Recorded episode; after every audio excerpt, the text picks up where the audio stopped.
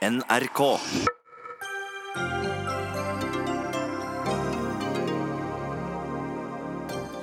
Hvor dyp er krisen i Arbeiderpartiet? Klarer ledelsen å få partiet på fote igjen etter varslingssaker og elendig valgresultat? Første svarte dag i januar blir også skjebnedag for Ap. Hva lærte vi av metoo-kampanjen? At kvinner kan slå tilbake, og at overgripere kan avsløres, ja vel, men er rettssikkerheten ivaretatt på betryggende måte? Norske Spitfire flyvere under annen verdenskrig gjorde en viktig innsats på alliert side, men led store tap. Hvorfor ble det så stille om dem da freden kom?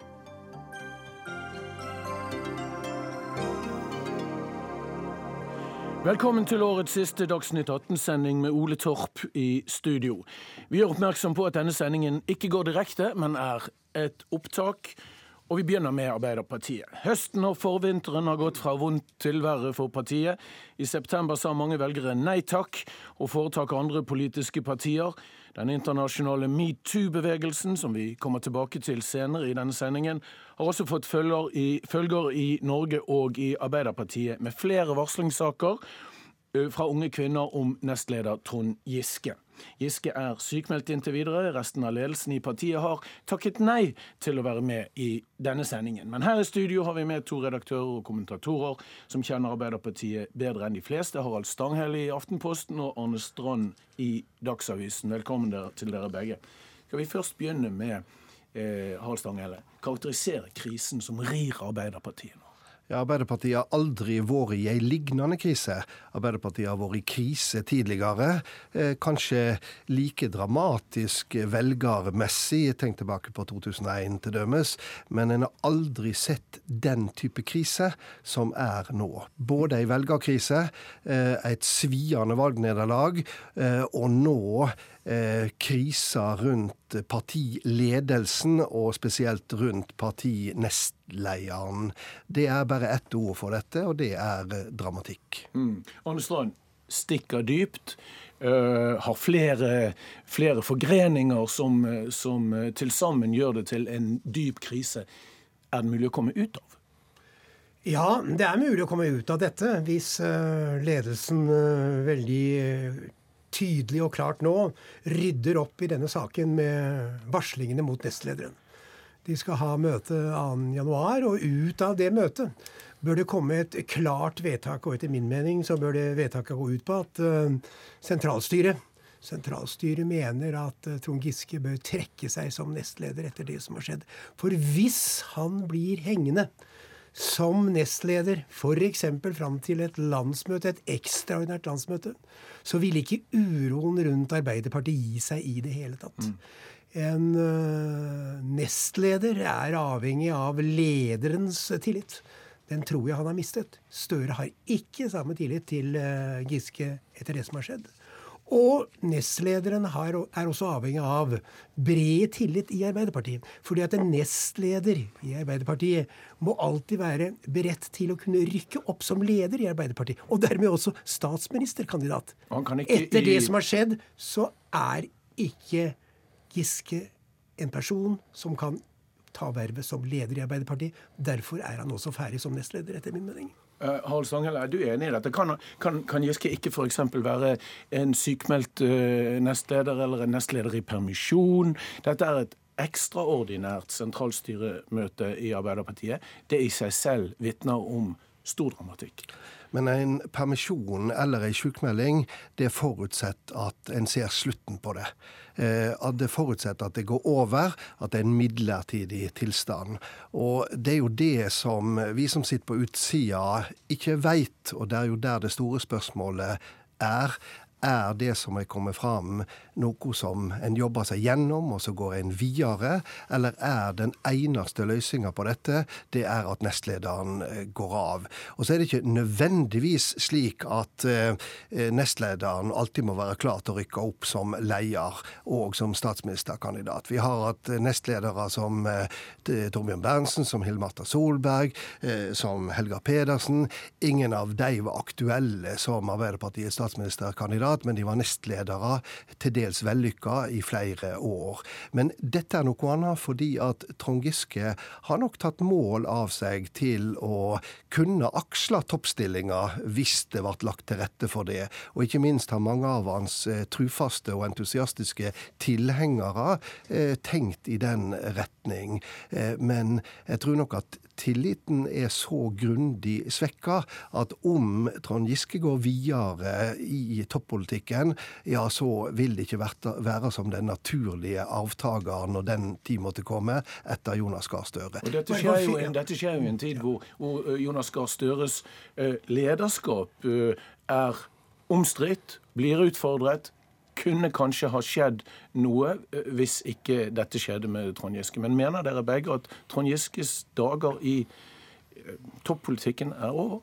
Som, som eh, en mulig neste leder av Arbeiderpartiet. Og det var det mange har sett på Trond Giske som. Han er ikke en hvilken som helst nestleder, nestleder for å bruke det, det uttrykket så er det klart at dette er en uh, veldig veldig dramatisk situasjon for Arbeiderpartiet. Hvis jeg trodde i alle fall, hvis, hvis Støre skulle ha trukket seg etter et valgnederlag denne gangen, så var jeg for ikke så lenge siden ganske sikker på at Trond Giske ville ha rykket opp. Men etter disse varslingssakene så vil han ikke rykke opp som leder i Arbeiderpartiet. Og derfor er han også i praksis ferdig som toppolitiker i Arbeiderpartiet, tror jeg. Men det betyr ikke at man må velge en ny nestleder i Arbeiderpartiet. Det står ikke i Arbeiderpartiets vedtekter at de må ha to nestledere. De kan gå videre med den nestlederen de har. Men eh, Giske som en kronprins i Arbeiderpartiet er, tror jeg, ferdig etter dette. Altså Etter å ha fulgt norsk politikk lenger eller liker å tenke på, så er det én ting det har lært meg, og det er å ikke trekke en skråsikker fasit på vegne av framtida. Men mener du at Giske kan komme gjennom dette på det ekstraordinære møtet på tirsdag? At han faktisk kan komme ut eh, som en renvasket mann? Nei, det kan han ikke. Eh, Men kan har, han da fortsette? Der har Jonas Gahr Støre sett ord på dette veldig tydelig. Han har sagt at eh, han har lite å gå på. Og i de orda så ligger det også en eh, undertekst av den dramatikken vi, vi, eh, vi eh, snakker om. Jeg tviler på om han kan gå videre som nestleder, men det betyr ikke at han er ferdig i norsk politikk. Nei, men Det var ikke det jeg sa, Harald. Han, kan, han sitter jo på Stortinget. Han skal ikke ut av Stortinget. Han kan ha han kan posisjoner Stortinget i, Stortinget. Ja, ja. Men akkurat i denne, denne rollen, mm. som Arbeiderpartiets nummer to, tror jeg det ikke er mulig for han å fortsette. Og det beste for han selv, tror jeg, men i alle fall for Arbeiderpartiet, er at han uh, trekker seg frivillig. Men det er ingen Torbjørn Jagland, bare si det.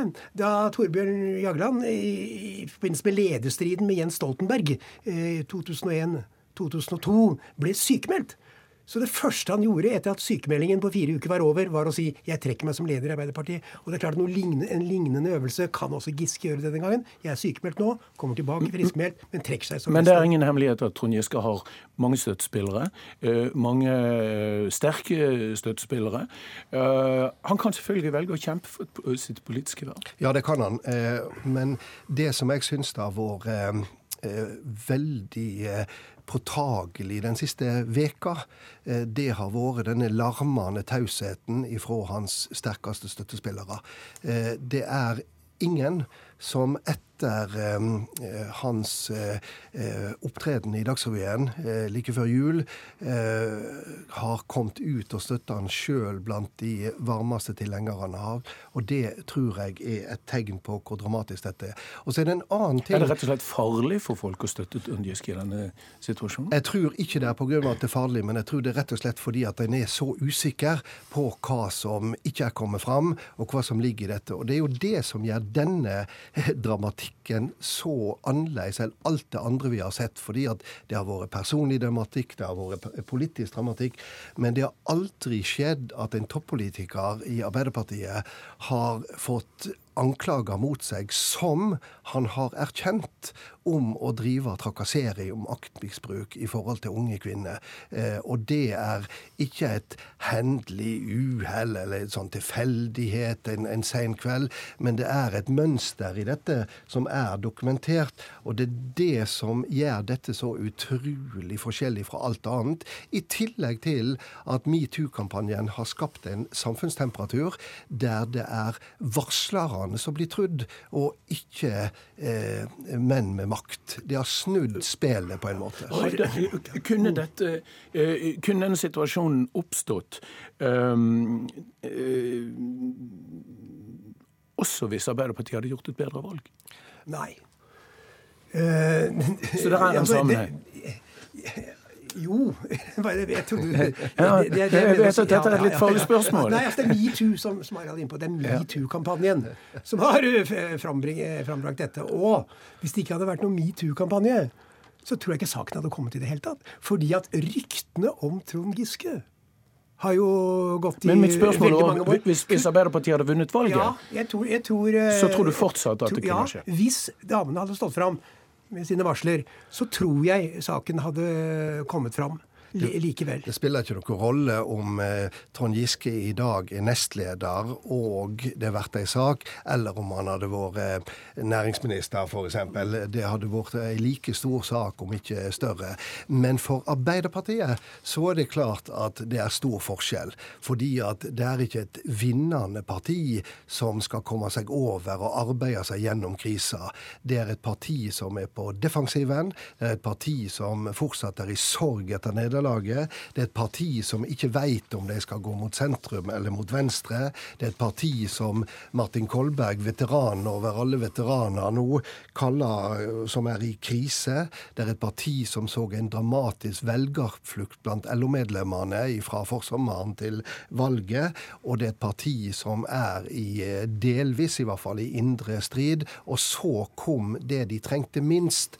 Det var akkurat dette. Men kan det tenkes at Støre vil, i dette tilfellet partilederen, demonstrerer en litt sånn etterlengtet handlekraft ved å si til Giske på, uh, på tirsdag du må gå?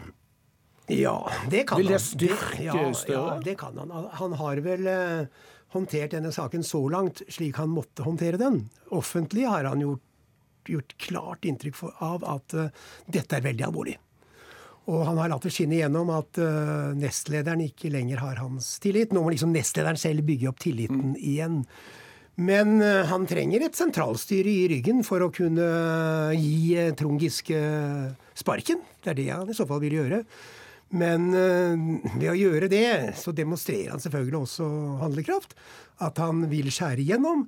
Og han må gjøre det for å få Arbeiderpartiet ut av den katastrofale situasjonen partiet har kommet i.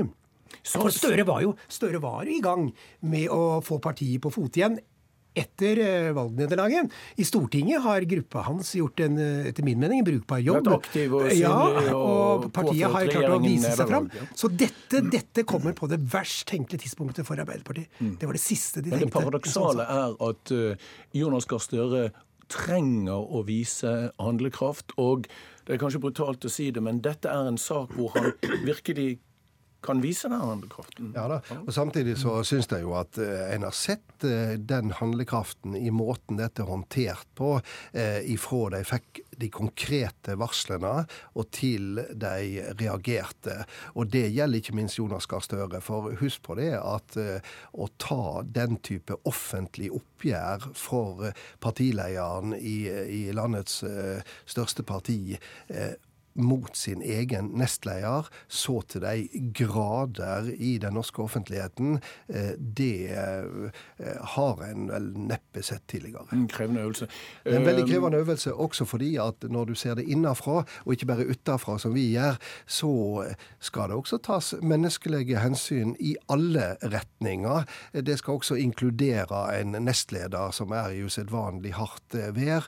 Det skal tas omsyn til ulike eh, ikke fraksjoner, men ulike retninger i partiet. Og det skal også tas, u, tas omsyn til å ta med i, i beregninga det at en del innad, innad i Arbeiderpartiet ser på dette som et politisk oppgjør med Trond Giske og hans, hans politiske meningsfeller. Ja, men la oss snakke om det. Men det er det ikke denne gangen. Noen hevder det, ikke sant? Nei, men, det, det er men det er ikke det, det, sier du. Det er typisk da at uh, Giskes støttespillere har ikke kommet uh, på banen og gitt han den støtte som man kunne trenge i denne situasjonen, fordi det ikke er en klar politisk maktkamp. Men i begynnelsen var det vel flere som sa at dette kommer før fordi alvoret, Før alvoret i saken gikk opp for folk, så var det kanskje det. Men når nest, den andre nestlederen, Hadi Tajik, offentlig går og sier, ut og sier at uh, dette er rystende lesning, altså disse varslene. Mm. Det har rystet henne som menneske, som nestleder og som jurist. Så er det klart at alvoret i dette er uh, veldig sterkt understreket. Og det er nok en grunn til at støtten til Giske denne gangen, både i fagbevegelsen og på venstresiden i Arbeiderpartiet, har uteblitt. Fordi de skjønner at dette er en så spesiell men, sak men den, som ikke har med en, en, alminnelig maktkamp å gjøre. Den uttalelsen du nettopp refererte til, som Hadia Tajik volonterte Hun la den ut på sine egne Facebook-sider uten å bli intervjuet engang, om at oss som menneske, som eh, nestleder og som jurist var rystende lesning da disse varslingssakene kom. Var det en del av en maktkamp mellom henne og eh, Trond Giske? Jeg velger, jeg velger, å se på dette som at hun var djupt rysta og reagerte ut ifra det. Dessuten så var det en annen ting. Det var det at hun hadde Kunne ikke engang lese som en del av en maktkamp mellom de to? Nei, altså det er klart, det går alltid an å tolke maktkamper inn i norsk politikk. Og eh, det er en eh, mildt sagt offentlig hemmelighet at de to nestlederne eh, ikke akkurat er perlevenner. Men samtidig så eh, sto Hadia Tajik over en situasjon der hun hadde fått tilsendt disse, flere av disse varsli, varslingene. Hun hadde lest de. Hun hadde ikke fått de som en del av, av, av behandlinga som partisekretæren og partilederen eh, tok seg av, men hun hadde fått de direkte. Da er det lett å tenke seg at hun så en nødvendighet for sin egen del og for partiets del å reagere direkte, hun også. Og jeg er helt enig i at dette ikke er en del av en maktkamp rundt eh, Trond Giske. Men partilederens ansvar er også å eh, forsikre og behandle dette på en måte som gjør at de som vil like å tro at dette er en del av en maktkamp, de også føler seg beroliga. Mm. Så ingen av dere levner noen særlig tvil om at Giske Det skal mye til før han kan reise seg igjen etter dette. Har jeg forstått at du også egentlig er der, Harald Stange? eller? Ja, altså Jeg syns det er uh, vanskelig å tro at han kan fortsette som nestleder. Okay. I så fall må vi se et løp som også uh, viser fram slutt slutten på denne historien eh, på en troverdig måte, men jeg tror at eh, det er så mye tillit som er gått tapt i denne runden, og med god grunn, eh, at jeg tviler på at han kan fortsette som nestleder. Hvis vi da står foran Trond Giskes politiske fall, trekker han noen med seg? Nei, det gjør han ikke. Han gjør ikke det, fordi som vi nettopp har vært inne på, dette er ingen politisk maktkamp. Arbeiderpartiets ledelse ble enstemmig valgt på landsmøtet. Arbeiderpartiets ledelse har vært enstemmig om hele valgkampopplegget, og slik sett så er det også kollektivt ansvarlig for valgnederlaget. Det er ingen store uenigheter eller uenigheter i hele tatt i dag i Arbeiderpartiets ledelse, verken om den veien de valgte, eller om den veien de skal velge, velge, videre. Så det er i grunnen ingen andre å ta med seg i, i dette fallet. Dessuten Ikke en partileder, ikke en partisekretær? Nei, nei ikke partileder. Altså, jeg forstår Støre slik nå at han er interessert i å gå videre. Han er en stayer sier de som kjenner han bedre enn meg. Han, eh, han ønsker ikke å gi seg halvgått halvgodt femmil. Han ville gå eh, femmila helt ut. Han ville i alle fall ha et kommunevalg om et par år og bryne seg mot. Og jeg tror han i dag er innstilt på å gå til valg igjen som Arbeiderpartiets leder ved neste, neste stortingsvalg. Det er i øyeblikket ingen utfordrer til Jonas Gahr Støre.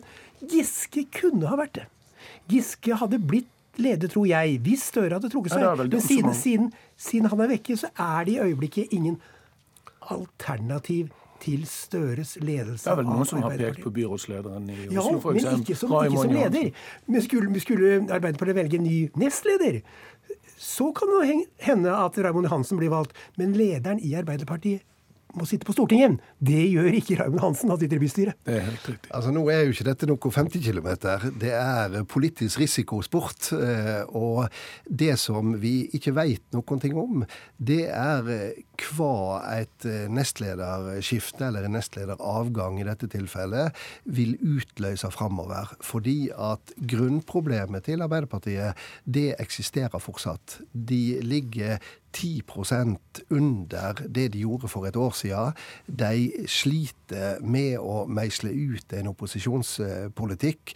De sliter med eh, en Solberg-ledet regjering eh, som utstråler trygghet og, og, og, og ro, i hvert fall i form av statsministerens eh, flegma.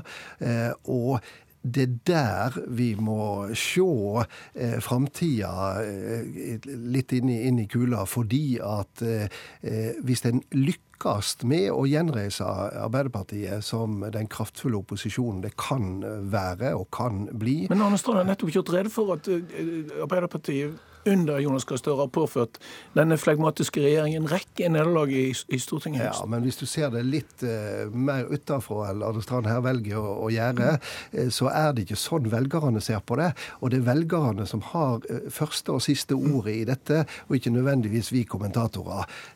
Fordi at det som velgerne ser, er jo f.eks. at du har en regjering som eh, glatt har fått igjennom et statsbudsjett, eh, som eh, er leda av en eh, nesten historisk populær statsminister. Eh, Det er sånne ting som velgerne ser på.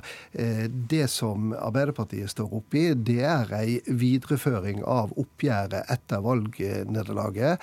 De har mange spørsmål som de ikke har svar på. Men de, de, mister, de mister Vent litt, annet. De mister altså eh, Trond Giske, da, etter alle solmerker, som har gått for å være den store strategen i Arbeiderpartiet. Hvem skal fylle hans sko? Nei, altså, de trenger egentlig ikke ha noen til å fylle hans sko. Vi trenger vel en strateg? Jo, men Arbeiderpartiet, nei, men Arbeiderpartiet har strateger. Arbeiderpartiet har mange dyktige folk i gruppa si rundt omkring i kommunepartiene og i fagbevegelsen, ikke minst. Nei, det, er ikke, det er ikke mangel på folk som kan øh, tenke strategisk i Arbeiderpartiet. Det, det Arbeiderpartiet nå trenger, er å peke skal- ut en annen, tøffere kurs. Men bare si én ting. Vi går nå inn i en, en ny stortingsperiode med historiens svakeste mindretallsregjering. Eh, I forrige periode så hadde Solberg iallfall et avklart flertall i Stortinget. Det har hun ikke lenger. Og det spiller ingen rolle om Venstre blir mer i denne regjeringen eller ikke, ikke blir med. Flertallet får Solberg ikke til å stemme i Stortinget. Det kommer til å bli veldig, veldig vanskelig for Solberg-regjeringen i neste, neste, neste periode. I denne situasjonen så vil opposisjonen, hvis den samler seg om Arbeiderpartiet, kunne få til mye, mye politikk og tilføre regjeringen mange nederlag. Så jeg tror da at, at eh, folks oppfatninger av hvor solid denne regjeringen er, eh, ganske raskt vil, vil endre seg. Og hvis Arbeiderpartiet klarer å stille seg i spissen for opposisjonen, og i den nye perioden vise at de er et opposisjonsparti, og ikke et parti som inngår forlik og kompromisser med regjeringen, men viser at det er forskjell på Høyre og Arbeiderpartiet på en helt annen måte enn det Støre klarte i forrige periode, så har de en sjanse. Men skulle de fortsette å dilte etter regjeringen i form av forlik og kompromisser, så går det altså helt galt. De må vise seg fram. Det er klart at nå har de fått kraftig skudd for baugen. For en av de dyktigste politikerne i partiet, Trond Giske, er altså er altså ute og har Vekke- på. dette. Samme dag som, som sentralstyremøtet i Arbeiderpartiet møtes det ekstraordinært møte. Møtes også eh, Erna Solberg og hennes, eh, hennes interessenter til, til nye regjeringskonferanser eh, om en, om en ny type regjering. Det blir en interessant vår. Ja, det blir det. Og eh, jeg er jo helt enig med Arne Strand i at eh, det er krevende for Erna Solberg. Eh, men hun har bak seg fire år som har vært usedvanlig krevende. Og det endte altså ikke med regjeringsskifte. Vi må, vi må stoppe der. Takk skal dere ha, begge to, Arne Strand og Harald Stanghelle, for interessante innspill om den dype krisen i Arbeiderpartiet. Snart metoo-kampanjen. Vi gjør oppmerksom på at den følgende debatten blir altså også tatt opp før varslingssakene mot Trond Giske ble kjent.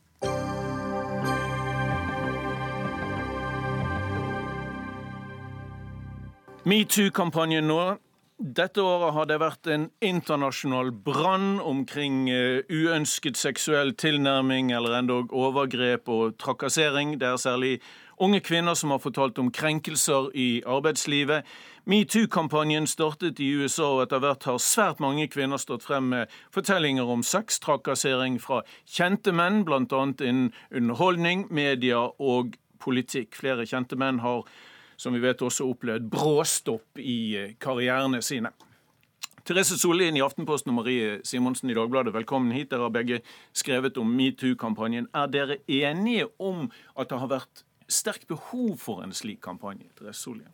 Ja, det har det helt åpenbart vært. Eh, det er kommet frem utrolig forferdelige historier om eh, overgrep i eh, asymmetriske maktrelasjoner, hvor folk som har tusket til seg sex fra kvinner som har vært avmektige overfor dem. Der trengs det helt åpenbart en opprydning, nytt regelverk, og det er veldig bra med den kampanjen. Mm. Marie Simonsen, hva er oppnådd i løpet av disse det er vel tre måneder som har gått? Eh, jeg føler at vi denne høsten har hatt en slags revolusjon, rett og slett. Hvis man ser på det begrepet litt sånn løselig eh, definert som, eh, som, at samfunnsorden faktisk Det er kommet en ny samfunnsorden inn, og det har skjedd på veldig rekordtid. Man kan snakke om før og etter metoo, nærmest.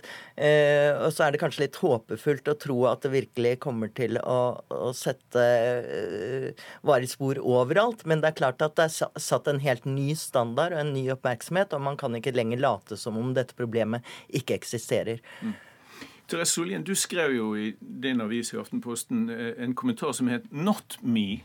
Um, der du sier at det føltes fremmed for deg, var det vel, og, og når du sitter igjen med en følelse av å bo i et kvinneundertrykkende land? Jeg skrev den kommentaren fordi jeg opplevde at det var veldig eh, en sånn vegg av, eh, av historier om, av alle hånde slag. Og av at menn var, eh, var, ordentlig grisete her i landet, og at kvinner nærmest i, i enhver bransje til enhver tid sto overfor mektige menn som brukte sin posisjon til å kreve sex av dem. Og det kjente jeg meg overhodet ikke igjen i. Ja, mener du at noen ikke snakket sant om dette? Nei, det, ikke, det, var ikke påstanden min. Min påstand var at jeg opplevde at folk, til dels mektige kvinner, eh, ble veldig opprørt av alle hånde klamme sjekkeforsøk. F.eks. var det noen som sa at de fikk ikke gjort jobben sin når de måtte bruke tiden på å snakke om hvilken farge de hadde på undertøyet. Og jeg er sympatisk til at det er ubehagelig, men verden rundt den blir jo aldri et perfekt luket bed av liljekonvall. Det er ubehageligheter på enhver arbeidsplass. Hvis man da opp møter en eller annen gjøk på konferanse som prøver å sjekke deg opp, så tar det ikke det mer tid å avvise ham enn det tar å vente på heisen. Jeg mener at det å sause inn den type ting, det, det gjør at det undergraver alvoret ved det oppropet. Og jeg tenker at mange vil oppleve at dette angår ikke meg. Men, du, men mange vil kanskje innvende mot uh, de betenkningene at du bidro til å undergrave en viktig kampanje som var i gang? Ja, men det tror jeg ikke. Hvis man klarer å lese forbi tittel og ingress, så skriver jeg jo tvert imot at jeg mener at dette oppropet er svært viktig, men da i de relasjoner hvor kvinner er avmektige overfor menn. Jeg tror det massive trykket gjør at veldig mange menn tenker at men kjære vene, folk i Norge er da svært høviske. Og jeg må jo også si at jeg har hatt både menn og kvinner til sjefer, og de har begge eh, begge kjønn har vært like opptatt av likestilling, kjønnsbalanse på arbeidsplassen og at ting skal gå veldig renhårig for seg. De ansetter ikke kvinner fordi de har lyst til å tafse på dem på julebordet. Det er ikke norsk kultur. Marie Simonsen, hva Har det vært unyanser i, eh, i eh, kampanjen? Det er det alltid. I en så massiv kampanje som dette har vært, og den har vært verdensomspennende også, så er det klart at det er noen historier man kan stille spørsmål ved. Men de aller fleste eh, ser man jo faller rett og slett inn under begrepet sextrakassering, altså uønsket seksuell oppmerksomhet, som er eh, Det er jo faktisk et lovbrudd og kriminelt og forbudt. Og jeg synes at dette ubehaget som for så vidt Therese Sollien advarer mot. Da. Jeg syns at det er noe av det som gjør at metoo-kampanjen har lykkes. At det har vært så massivt.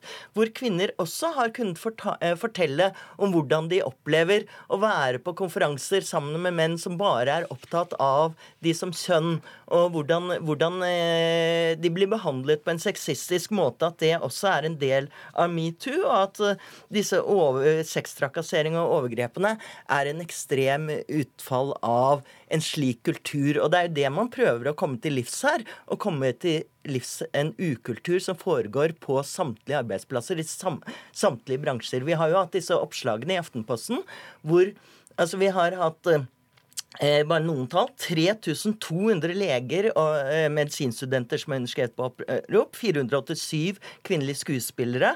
Eh, 1001 musikere. Så har vi hatt eh, mediebransjen, eh, eiendomsbransjen, advokater, hotell og restaurant, politikere, Finans-Norge alle, steder, alle arbeidsplasser har det stått frem kvinner og snakket om disse forholdene. Og det er det vi må lytte til, og ikke komme med avsporinger om at noen historier kanskje kunne vært håndtert annerledes.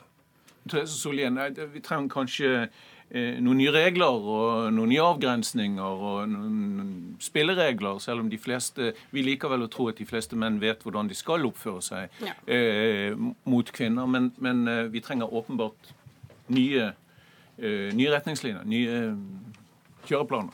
Ja, jeg tror eh, at det er noe som både menn og kvinner i likt monn i ledelsen i, Norge, i, norske bedrifter i dag tar på det største alvor, og innser at man må ha et solid regelverk på plass. Hvordan man håndterer det når, når sånne kan, ting foregår. Det kan være noe som tyder på at menn trenger det mer enn kvinner i øyeblikket. Jo, men samtidig, når man da, for å returnere til det jeg sa i sted, så tenker jeg at det er nok ikke bare kvinner som må bruke tid på en næringslivskonferanse på å avvise folk som prøver å sjekke henne opp. Altså, Sist jeg så en undersøkelse på hvor folk treffer hverandre, så har én av fire mennesker i Norge truffet partneren sin på arbeidsplassen. Det er ingen som ønsker seg, tror jeg, et helt fullstendig sterilt eh, regelverk hvor man sørger for å miste aldri, jobben er... når man ser et skrått på en annen person. Så ja, derfor men det er det jo aldri snakk om. Altså, Alle vet jo at det går an å flørte. Det er noe som foregår på arbeidsplassen hele tiden. Og som du sier, de fleste treffer hverandre faktisk på arbeidsplassen.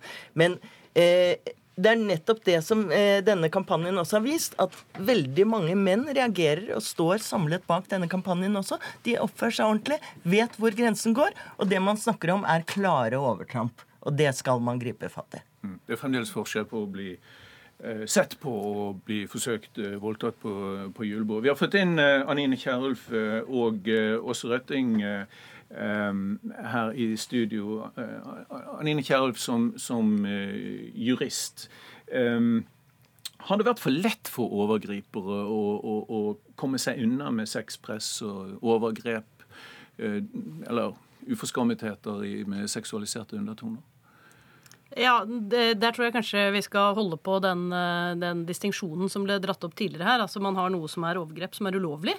Enten at det er straffbart eller at det rammes av arbeidsmiljølovgivningen. Eh, og så er det andre ting som kan være ubehagelig oppmerksomhet eller også maktmisbruk, for så vidt, men som ikke er ulovlig. Når og dette skal ikke sauses sammen? Jeg tenker at det er ganske viktig ikke å sause det mm. sammen, for da inflaterer du på en måte problemstillingen. Da blir de alvorlige tilfellene uh, vannet ut av ting som er mindre alvorlige. Så kan de mindre alvorlige tingene også være problematiske på sitt vis. Men det som er viktig, er jo på en måte det som er ulovlig og straffbart. Der tror jeg nok man har ganske mange regler som kan ramme dette.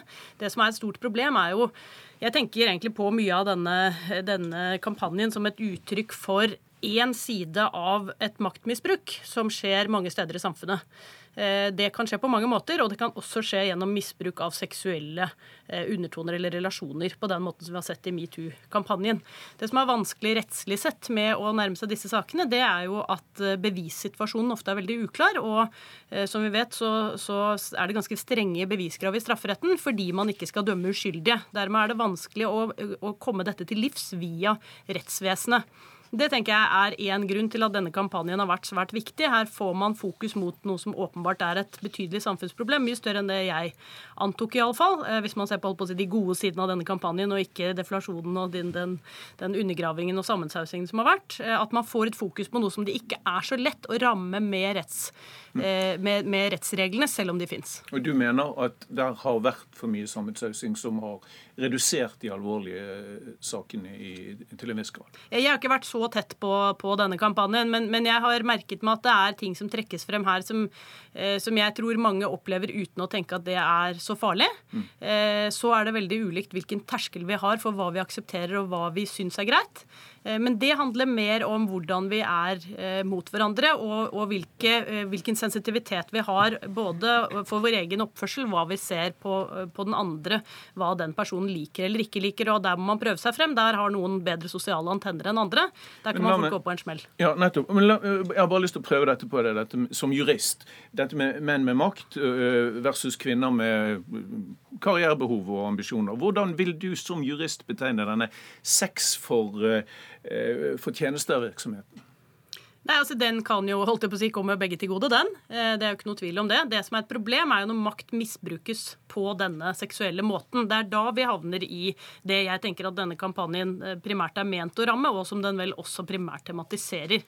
Det syns jeg er veldig viktig. Det som er en, en sideeffekt her, er jo det som har vært kanskje av påpekninger av historier, disse, disse, som er helt generelle, eh, de er kjempeviktige. Da får, vi, da får, vi, eksempler som gjør at vi kan relatere oss til hva som har skjedd. Eh, så er det noen som enten navngis, eh, eller som omtales på måter som gjør at det er veldig lett å gjenkjenne dem. Da får man på en måte et problem på den andre siden igjen.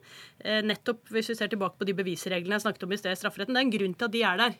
Vi ønsker at vi skal ha en rimelig vurdering av argumentene og kjensgjerningene i saken før vi fastslår at noen har gjort noe som er enten moralsk eller eh, rettslig Det er et prinsipp i, i, alle sammenhenger. Åse Røtting, du er professor ved eh, Høgskolen i, i Akershus. Uh, Etiske holdninger er noe som innprentes tidlig. Jeg vet at du har forsket på hvordan lærerutdannelsen er på dette feltet i Norge. Og spørsmålet er egentlig er lærerne godt nok skolerte til å innprente folk i ung alder, for vi skal begynne å lære dette veldig tidlig, hvordan vi skal oppføre oss mot kvinner. Er lærerutdanningen innrettet slik at unge mennesker forstår dette tidlig?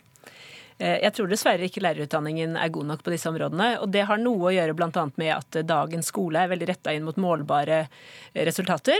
Sånn at eh, det som fokuseres veldig mye, er fag som, hvor det er lett å måle, norsk og matematikk f.eks. Mens samfunnsfag, som er det faget som primært har å gjøre med denne type temaer, og ulike krevende og kontroversielle temaer, er mindre prioritert fordi at, fordi at det er ikke et fag som behandler i samme grad målbare forhold. Eller i hvert fall ikke de tingene som vi snakker om her nå. Mm, jeg så du skrev i en, en kronikk i Dagsavisen var det vel at eh, at uh, kroppen hører innunder uh, naturfag og ikke i samfunnsfag, uh, for å si det litt sånn Ja, altså det er, det kom, Da den gjeldende læreplanen kom i 2006, altså Kunnskapsløftet kom i 2006, så var det ingen kompetansemål som nevnte verken grensesetting, overgrep, eh, vold. Altså ingen av de temaene som denne kampanjen er i berøring med. Eh, men så ble det gjort en revisjon i 2013, og da kom det inn nye kompetansemål, som jeg mener er gode, eh, og som åpner for å tematisere disse temaene ja, på fornuftige måter. I, i, den reviderte læreplanen står det at en tiendeklassing, altså en som går ut av tiende klasse, skal kunne sitat, analysere kjønnsroller i skildringer av seksualitet og forklare forskjellen på ønsket seksuell kontakt og seksuelle overgrep. Ja. Det burde vel ikke være så vanskelig Nei. for en tiendeklassing å vite forskjellen Nei, men Noe av problemet er at når læreplanen er revidert, så er det ikke sikkert at lærernes kompetanse oppdateres på samme måte. Eh, og når skoleledere og utdanningspolitiske føringer legger vekt på det målbare, så blir det vanskelig for både lærere og skoleledere å prioritere denne type kompetanse. For det er en annen type kompetanse som kreves for å behandle disse temaene ordentlig. Mm. Så det er, sånn sett så mener jeg at dette her er et utdanningspolitisk verdivalg på mange måter. Eh, at, eh, at det, er ikke, det, er ikke, prioritert at lærere skal få høy kompetanse på denne type områder. da. Verken i den ordinære lærerutdanningen eller i videreutdanningen av lærerne? Uh, nei, altså nå er, det, nå er, det, ønsker om at bl.a. noe som kalles normkritiske perspektiver skal tas inn i lærerutdanningen. Hva det er et mål. Ja, altså Det er en type perspektiver som jeg tenker er relevant i denne sammenhengen. Fordi det er perspektiver som ønsker å trene både elever og alle oss andre i og for seg på uh, bevisstgjøring knytta til maktforhold. Normer og maktforhold. Um, og jeg tenker jo at i forhold til des, disse temaene som vi snakker om her, så, uh, så er det jo en, enkelt sagt det det handler om. Det handler om økt økt bevissthet omkring eh, privilegier, maktforhold og normer. Normer knytta til forestillinger om kjønn og heteroseksualitet og seksuell samhandling f.eks. Og, og målet til denne normkritiske pedagogikken, som de gjerne kaller, er nettopp at elevene skal trenes i, altså øves opp i dette på en måte som gjør at de også kan anvende det videre i livet. Og Det er jo det, vi, det, er det, det egentlig er snakk om her. Én ting er jo hva, hva, de gjør på skolen, men de skal jo ideelt sett også vare skal, videre. Og det skal, og det skal ja. praktiseres også. ikke ja. sant? Ja, jeg tok en prat med en skoleelev på vei hit i dag, eh, og han hadde ikke lært noe om dette på skolen, men han var opptatt av to ting, nemlig eh, grensesetting, som du er inne på, mm. eh, og også at vi må være oppmerksom på at eh, misbruk kan skje begge veier. Menn mm. kan misbruke kvinner, men kvinner kan også misbruke menn. Mm. Eh, sånn at eh, det tenker jeg, det tror jeg ikke han har lært på skolen. Jeg hører, folk, jeg hører mange si det. Og, nå var det en ny undersøkelse nylig hvor vi sa at dette rammer også menn, men, men vi må vel se i øynene at det rammer mest kvinner. Det tror jeg er helt utvilsomt. Jeg tenker mer at denne type kampanjer er egnet til å få tankevirksomheten i gang, også om det man ikke lærer på skolen ennå. Og, og, jeg tror jo det er noe av det interessante i forhold til bredden her. På den ene siden så er det viktig å skille mellom det straffbare, ikke sant? sånn som dere er inne på. Men det er jo noe som gjør at når Altså det er noe som gjør at folk assosierer et stort eh, mangfold av erfaringer med hverandre. Altså fra det straffbare og over til det ubehagelige og kleine. Så kommer jo disse tingene opp sammen. Så på et eller annet vis så henger det også sammen, selv om det juridisk sett er går grenser. Du mener at det ene kan føre til det andre osv.? Nei, jeg mener ikke at det kan føre til hverandre, men i forestillingene om denne type samspill, da, så henger det på et eller annet vis sammen. Eh, jeg syns det er viktig. Det er faktisk et ord vi ikke har nevnt her eh, så mye. Det er likestilling. At, mm. At jeg syns denne metoo-kampanjen eh, har av, eh, avslørt nettopp at Norge ikke er så likestilt land. Fordi det handler jo nettopp om maktforhold. Og det er derfor det ofte skjer på arbeidsplasser at du sitter i en gammel kultur hvor det er en gammel mannskultur hvor menn er ledere og de oppfører seg på en viss måte. Og Det var jo derfor jeg var så sjokkert. Kanskje tror du at yngre menn er mye bedre på dette? Når de ikke engang lærer det på skolen? Nei, det er det jeg sier. At det var det jeg mener. At, at det er litt sånn sjokkerende at det jeg vokste opp med, som jeg tok nærmest for gitt. En sånn dominerende, hvor du er på mannsdominerende arbeidsplasser, at, eh, at det er en viss kultur. Særlig når man er ute i sosiale sammenhenger. Den fortsetter og har fortsatt fremdeles. Og det er jo da man må spørre hvor er liksom rutinene? Hvor er det noen som har tatt tak i dette her? Og det viser seg jo at det blir avslørt gang på gang på hver arbeidsplass at de faktisk ikke har noen rutiner for varsling. De har ikke noen oversikt over hvordan arbeidsmiljøet er her. Det er ingen som har regler om hvor disse grensene skal gå, mens man har regler for alt mulig annet, men ikke dette her. Det, Therese Solien må jo være et eh, enormt tankekors. Ja, det, det, er åpenbart det. Jeg opplever, sånn som jeg har lest disse historiene, at det veldig ofte er i de som er i mer sånn prekariatstillinger med en, en usikker tilknytning til arbeidslivet, som er særlig sårbare for å bli utnyttet på den måten. Der min erfaring med norsk arbeidsliv er at det er veldig godt regulert. De fleste har en HR-avdeling med både én og to personer man kan snakke med hvis noe ubehagelig skjer, osv. Men det er helt eh, åpenbart at det trengs en opprydning, særlig i de bransjene hvor, er, eh, hvor folk er avmektige overfor, eh, overfor, folk med stor in, in, innflytelse. En opprydning, Anine Kjær? Ja, jeg tror dette skjer der hvor det er asymmetriske maktforhold, som man er inne på, men også Asymmetrisk maktforhold betyr ja, en det, mektig sjef og en, en Ja, midlertidige stillinger, mm. typisk sykehusene, ja. universitetene. Det er, det er, mange av disse ja. du skal opp og frem i advokatverden, hvor det nå er hen. Men det betinger også én ting til, og det er, unnskyld uttrykket, drittsekker. Altså, noen mennesker har manglende respekt for andre mennesker. Det viser seg også på det seksuelle området. Og det er det som er hovedproblemet her, i tillegg til en kultur som kanskje eh, rettferdiggjør en type garderobesnakk eller andre ting som vi har vært inne på. Og det tror jeg, jeg si, er en positiv side av denne kampanjen, selv om man i noen grad får en sammensausing. Nettopp at det blir trukket frem noe av dette også, så man får en diskusjon. Jeg er jo idealist og tro på ytringsfriheten. Det bidrar til debatt om hvor grensene burde gå. Hva er det egentlig det er greit å, si til hverandre og om hverandre og ikke? Mm. Men det mankerer åpenbart på litt sånn alminnelig høflighet noen ganger også. Eh, ja, Nei, altså, Én eh, ting er jo disse varslingsrutinene som helt åpenbart må bli bedre. Men det er jo, jeg tenker det er jo også forbundet helt åpenbart med skam og tabuer på, på begge sider, eller på alle sider i dette komplekset. fordi at, eh, jeg mener, Vi kan jo bare tenke på oss sjøl. Det er ikke noe morsomt heller å skulle være den som kommer og innrømmer at jeg tror kanskje jeg har tråkket over en grense, jeg tror kanskje jeg var ufin, jeg tror jeg har behandlet en, en student eller en kollega dårlig.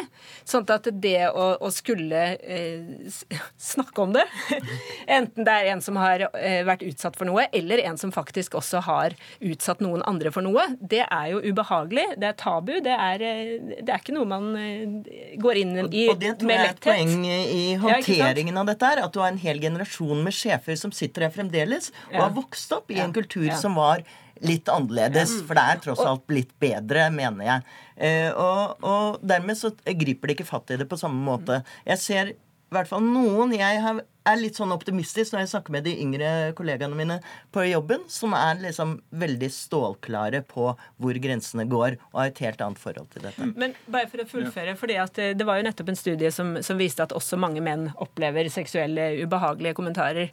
Eh, men mange av de rapporterer ikke, og mange av de får heller ikke altså De håndterer det på litt andre måter enn kvinner, ifølge denne studien. da. Men eh, sånn som du sier, altså vi sitter kvinner her og snakker om det. Det er kvinner først og fremst som eier denne debatten. Og det kan jo også ha noe å gjøre med at kanskje er det enda mer tabu, enda mer skambelagt for menn å snakke om erfaringer med det. Uh, det kan ja. tenkes. Eh, jeg må bare spørre Anine Kjærf, som, som, er juristen her. Har vi, har vi, sett eksempler på at metoo har fått uønskede eh, resultater? Jeg ber ikke om å gå inn i konkrete saker eller, eller navn, men har vi sett at det noen ganger har, har gått for langt? At noen har blitt urettmessig behandlet, mistenkeliggjort, uthengt? For den faren vil selvfølgelig alltid Ja, jeg tror den faren er, Jeg har ikke noen konkrete eksempler på det. Det er jo noen som er navngitt eh, holdt på å si, alle store medier rundt omkring nå, kanskje særlig fra USA. Men, men en utfordring her er jo de sosiale mediene. Mm. Eh, når mediene, de, de, redigerte mediene forholder seg til dette, så har de en Vær varsom-plakat. Eh, hvis de anonymiserer, så anonymiserer de tilstrekkelig til at man faktisk ikke kan kjenne igjen. Det bør de i hvert fall gjøre, for ellers kan de havne i ansvar. Eh, på sosiale medier er vi alle vår egen redaktør. Men vi har vel også sett at anonyme kilder for å slippe til å snakke om navngitte personer. Det kan vel også være problematisk? problem? Det er klart et problem, og det vil i tilfelle være et problem som også de redigerte mediene der dette fremkommer, kan være ansvarlig for. Mm. Men jeg tror hovedutfordringen her er de sosiale mediene, den enorme spredningen det får når helt utrente redaktører eh, sitter og publiserer ting enten direkte navngir eller anonymiserer på en måte som ikke er egnet til å anonymisere det hele tatt. Og noen blir hengt ut på et, et bevisgrunnlag, for å kalle det det, som er helt sviktende. Mm, ok, Siste spørsmål til den som vil. Hva skjer med denne kampanjen i 2018? Den kommer bare til å fortsette, men det vi må snakke mer om, er selvfølgelig det vi har vært inne på. Varsling. Hvordan, hva gjør vi med det? Hvor setter vi grensene? Hvordan skal vi rydde opp? Her må også politikerne og rettsvesenet på banen. Takk skal du ha. Det var Marie Simonsen der som fikk ordet til slutt. Takk også til uh, Åse Røtting og til Anine Kierulf og Therese Sollien i Aftenposten.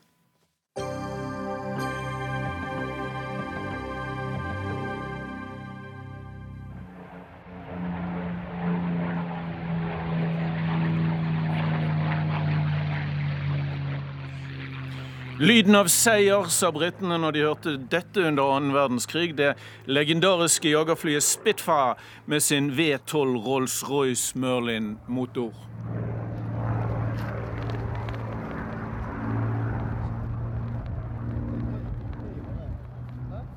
Også nordmenn, nordmenn fløy Spitfire i verdenskrigen i 331 og 332-skvadronene stasjonert i Storbritannia. De var i kamp mot tyskerne gjennom hele krigen. Over 70 av dem falt, og i år foreligger endelig det store verket om de norske jagerskvadronene og mennene som tjenestegjorde der. Cato Gunnfeldt, velkommen hit i studio. Historiker og journalist. Det er du som har skrevet syvbindsverket om eh, The Spitfire Saga, som du har kalt det. Både piloter og bakkemannskap i de skvadronene var nordmenn. Hvem var de? Hvor mange var de? Nei, bakkefolkene utgjorde vel en gruppe på et halvt tusen i de to skvadronene. Eh, og så hadde vi da et, eh, en, en, par hundre flyvere som roterte. Eh, de kom fra, fra alle lag av folket, for så vidt. Men svært mange hadde jo artium av flyverne. Og Så, så Men ikke var, mye mer enn det. De var svært unge, ikke sant? De var svært unge, fra 17 år og oppover til 2-23. Eh, Og mange av bakkefolkene var tidligere sjøfolk og hvalfangere som ble rekruttert i Storbritannia og så sendt over til Canada for å bli utdannet mekanikere. På Little Norway-båsen. Eh, Hvor stor nytte gjorde disse nordmennene for den allierte krigsinnsatsen? Vel, to skvadroner er jo bare to skvadroner, og de allierte hadde mange skvadroner. Men eh, de lå på topp eh, når det gjaldt innsats, spesielt i 1943. De var meget vel ansett av britene. Og eh, når de var i aksjon, så ble de ofte omtalt både BBC og i engelske aviser. Eh, og, og, og de hadde flere toppskårere blant seg, da. Mm, Så de var meget godt anerkjent. Og jeg vet at på D-dagen i, i, i 1944, sommeren 4, juni 1944, fløy de opptil tre tokt daglig, noen av dem. Ja, og ikke bare det. Noen kunne også klare fire tokt. Eh, De hadde fire tokt bl.a. på Djeppe-raidet 19.8.42. Men også under invasjonen så var det tokt etter tokt gjennom hele dagen. Så skriver du i eh, et av bindene dine om den 29. desember, eh, den dagen vi sender dette, dette innslaget, 1944, altså midtveis mellom D-dag og eh, Nazi-Tysklands overgivelse, at de norske Spitfirene skjøt ned 15 eller 16 eh, tyske fly over Nederland og Tyskland, var det vel. Det, det må ha vært oppsiktsvekkende gode resultater. Ja da, det var jo en kjempeseier, den største under hele krigen.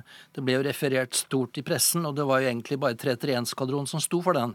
Fordi at 332 lå på skytetrening i Wales.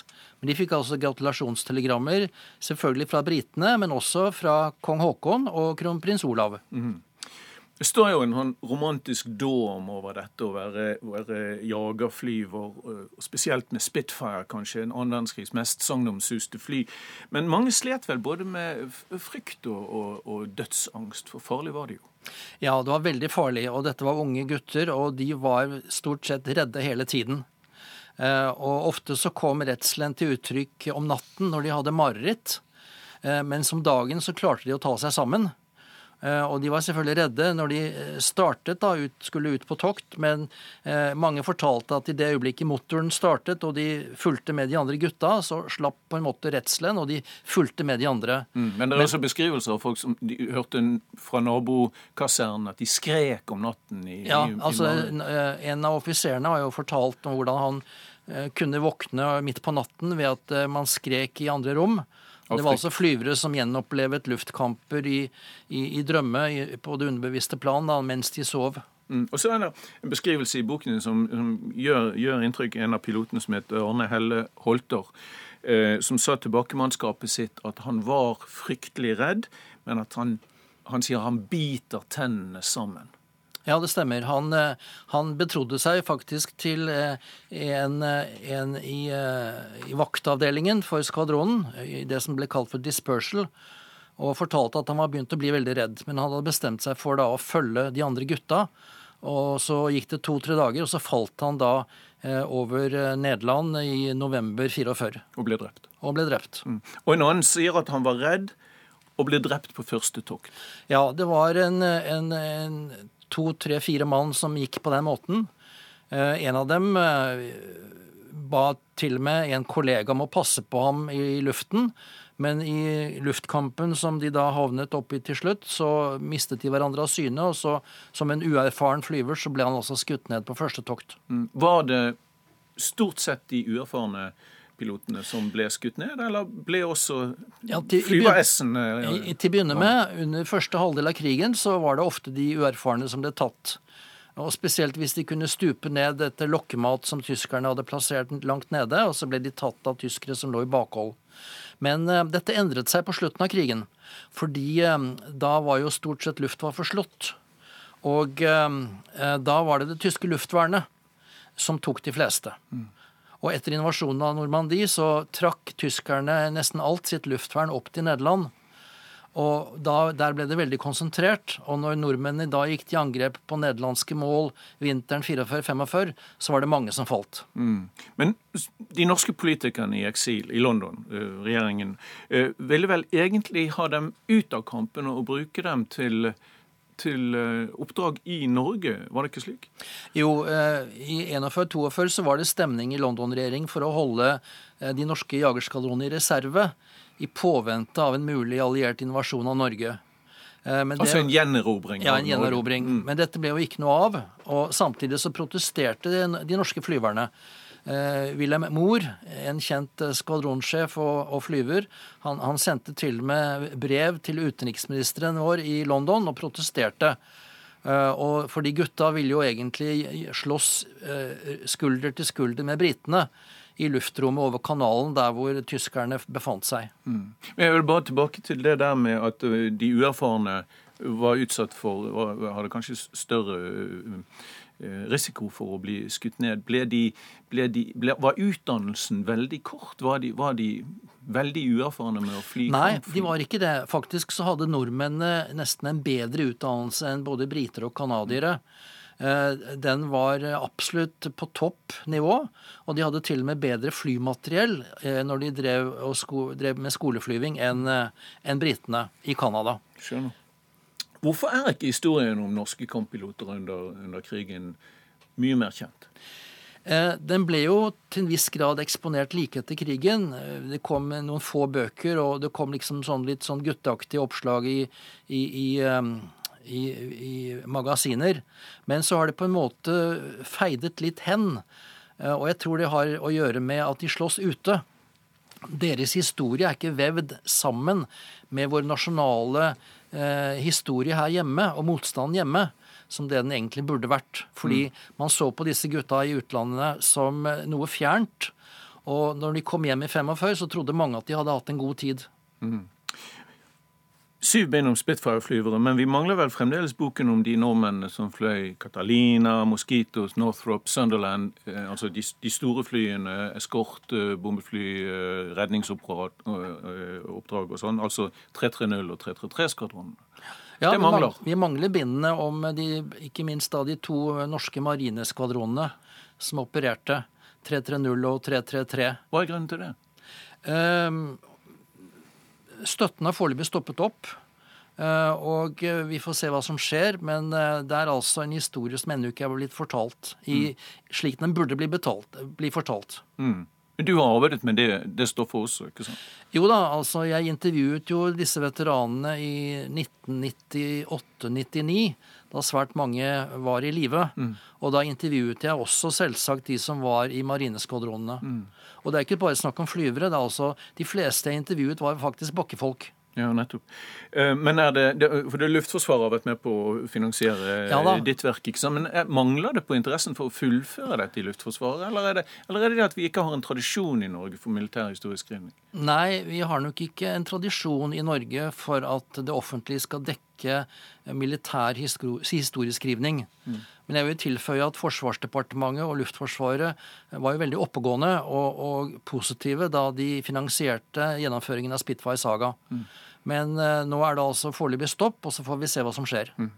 Du, Hvor mange av Spitfire-flyverne som var fra 17 til et par og 20 år gamle den gangen, er i live den dag i dag?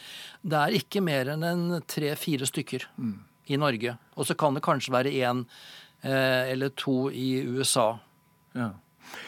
Syv bind om, eh, om eh, norske Spitfires i disse to skvadronene. Du har jobbet med dette i ti år eller noe sånt. Reist år. og, år, ja. Reist og researchet og skrevet og researchet om igjen. Hvorfor har du gjort det? Er det fordi det er spennende stoff, eh, eller er det fordi det er betydningsfullt? Nei, jeg ble faktisk litt sint. Fordi jeg syns eh, denne historien ikke hadde fått den behandling den burde få. Og, eh, og jeg syns de fortjente det. Mm. Det er et så stort forsvarskapittel. altså De var jo spydspissen av Norges krigsinnsats utenfor landets grenser i fire år at eh, jeg syntes at dette burde komme på plass. Eh, og, eh, og derfor så satte jeg i gang da med, med støtte. Mm. I 19...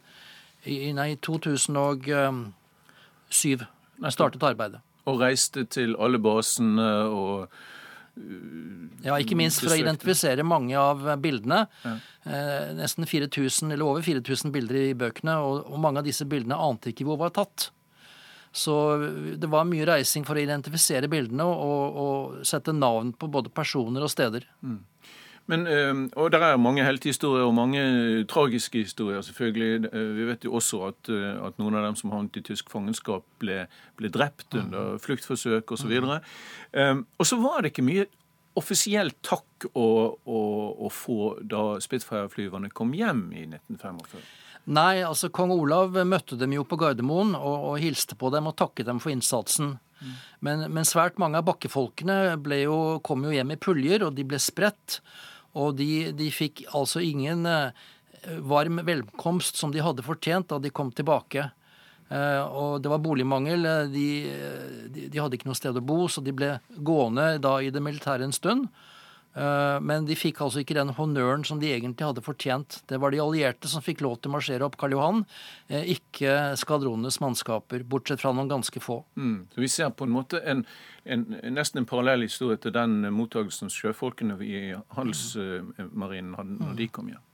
Og Det samme skjedde faktisk i en del andre allierte land, bl.a. i Nederland og Belgia, hvor også jagerflyverne som hadde vært i innsats ute under krigen, fikk en lunken eller kjølig mottagelse.